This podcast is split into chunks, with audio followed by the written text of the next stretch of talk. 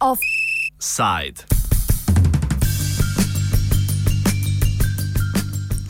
Na odboru Državnega zbora za zdravstvo so se ukvarjali s kadrovskimi in prostorskimi težavami Univerzitetnega kliničnega centra v Ljubljani. Kadrovske težave so vezane predvsem na omejitve zaposlovanja, ki jih je uvedel zakon o uravnoteženju javnih financ.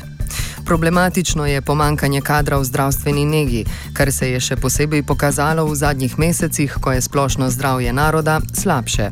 S prostorskimi zagatami pa ima vodstvo Univerzitetnega kliničnega centra v mislih dokončanje urgence, posebno njenega diagnostično-terapevtskega servisa, ki predvideva 40 ležišč za intenzivno nego.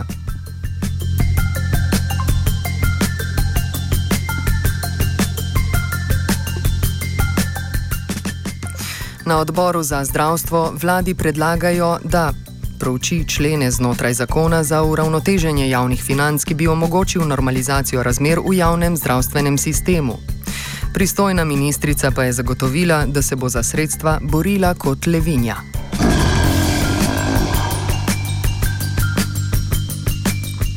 Jelka Mlakar, predsednica sindikata delavcev v zdravstveni negi, opozarja, da ni izpostavljen le UKC Ljubljana, temveč da se je simptom kadrovskih težav razširil nad celotno Slovenijo.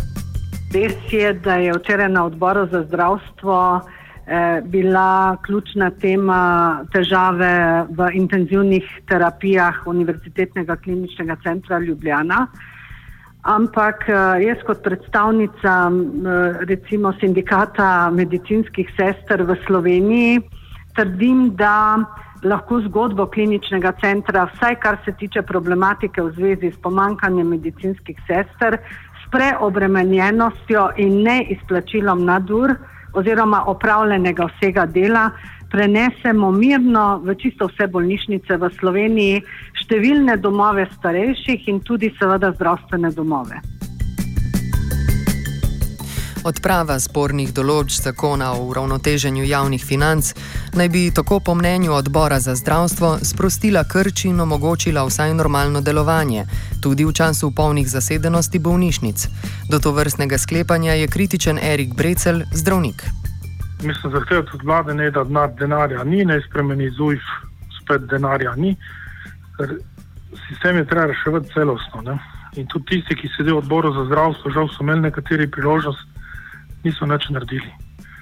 Uh, tako da uh, to, to so zahteve, take stvari je bederijane. Kot da bi zahteval po, požarju, ki začne goreti, da zahteva, da neha goreti. Ne. Uh, stvari je treba celostno obravnavati. Zakaj se je to zgodilo, koliko denarja rabimo, kako se troši denar, kako racionalizirati delo, mogoče eh, je neracionalno eh, vodeno delo, da je zaposlenih dovolj, mogoče jih je premalo. Probleme se rešuje, se rešuje celostno, ne pa neke gasilske akcije, ne, eh, ki jih predlaga odbor za zdravstvo. Ne bo rešene načine. Pa kaj če zaposlijo, se cel, kaj bo nečekaj.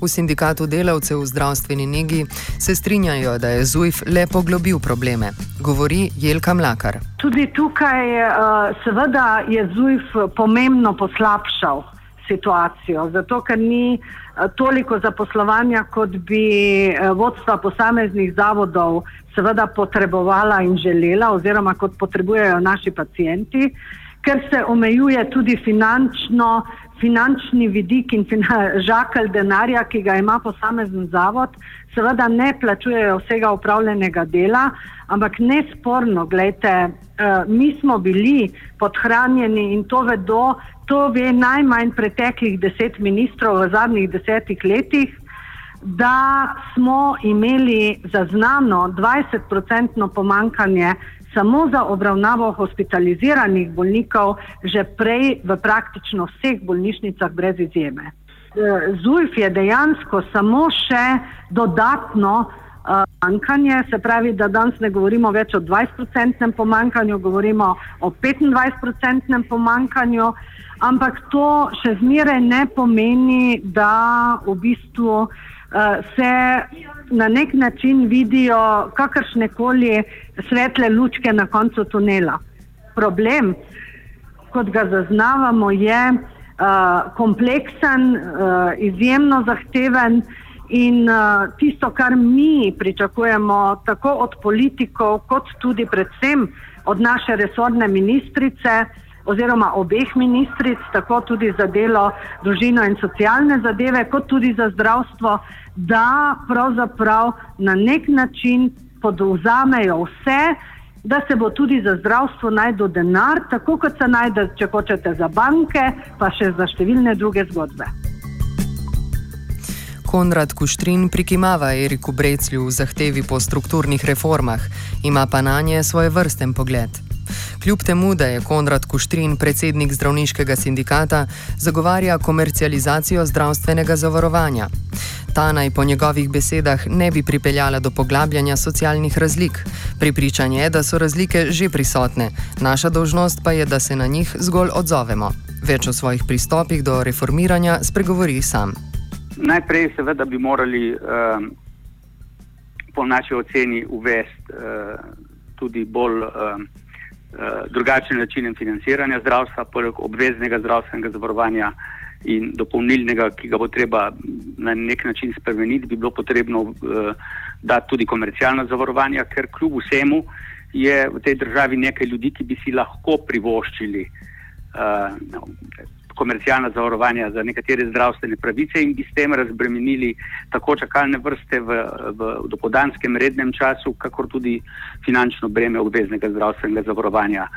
To je samo politično je to nespremljivo in se zlorablja, dejansko pa je, je temu tako. Ne. Zdaj se ljudje, ki imajo moč in vpliv, prerinjajo tako ali drugače v, v mimo vrst, če bi pa sistem omogočal, ne, da bi si pa to vrsto plačali, bi, bi bilo bi dosti bolj pregledno.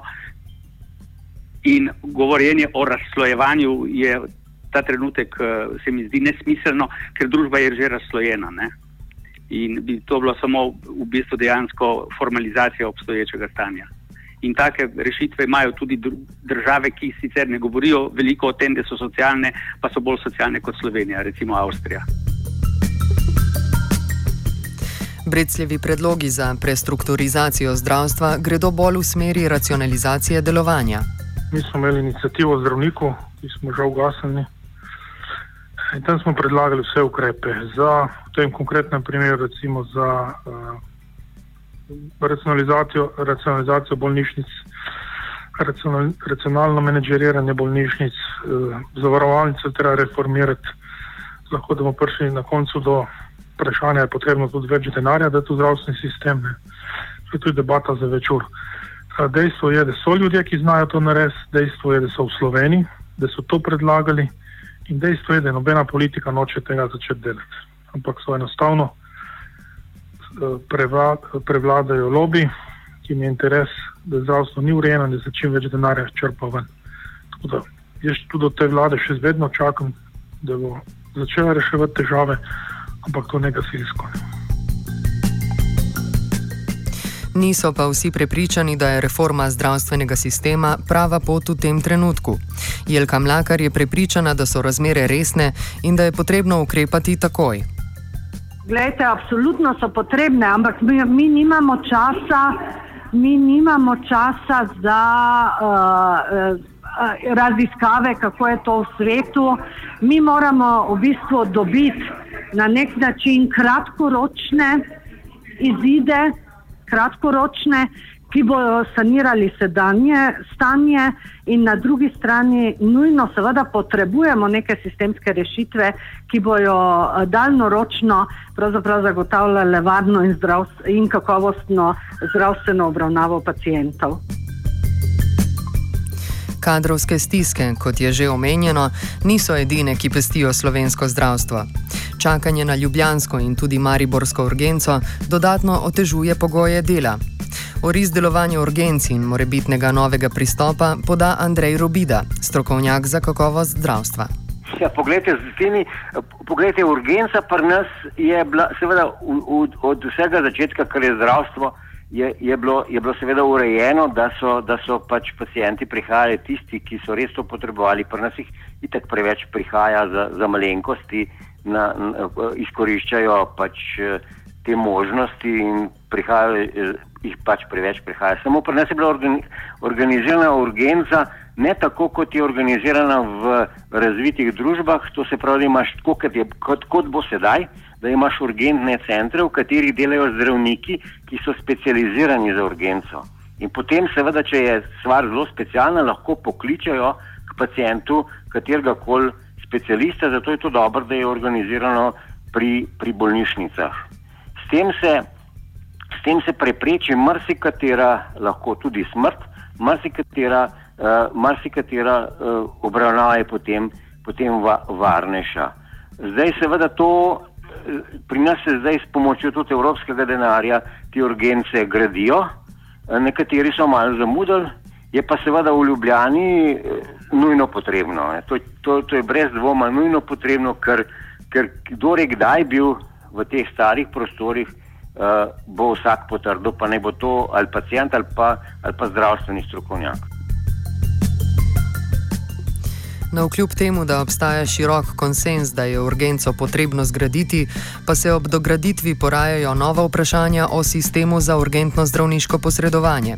Vprašanja postavi Erik Brecel. Urgenca v kliničnem centru je problem, zato ker delajo v nemogočih, tam kjer delajo, delajo v nemogočih pogojih to je center države, potrebovali več opreme, več osebja, eh, več prostora. Ne. Drugo je pa vprašanje, a urgentni centri, tu je spet primer, ne gradimo urgentne centre po Sloveniji.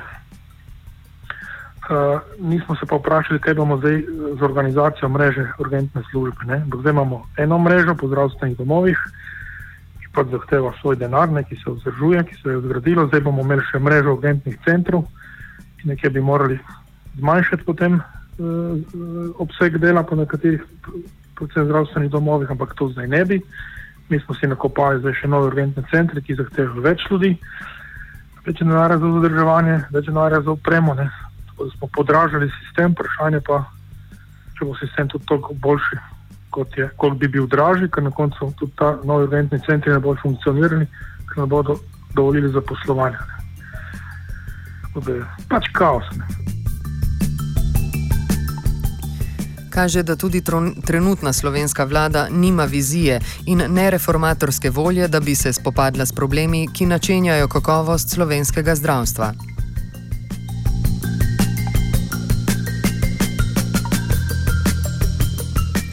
Kronična obolenja zdravstvenega sistema je diagnosticiral Žan. Oh. Oh. Oh. Oh. Oh.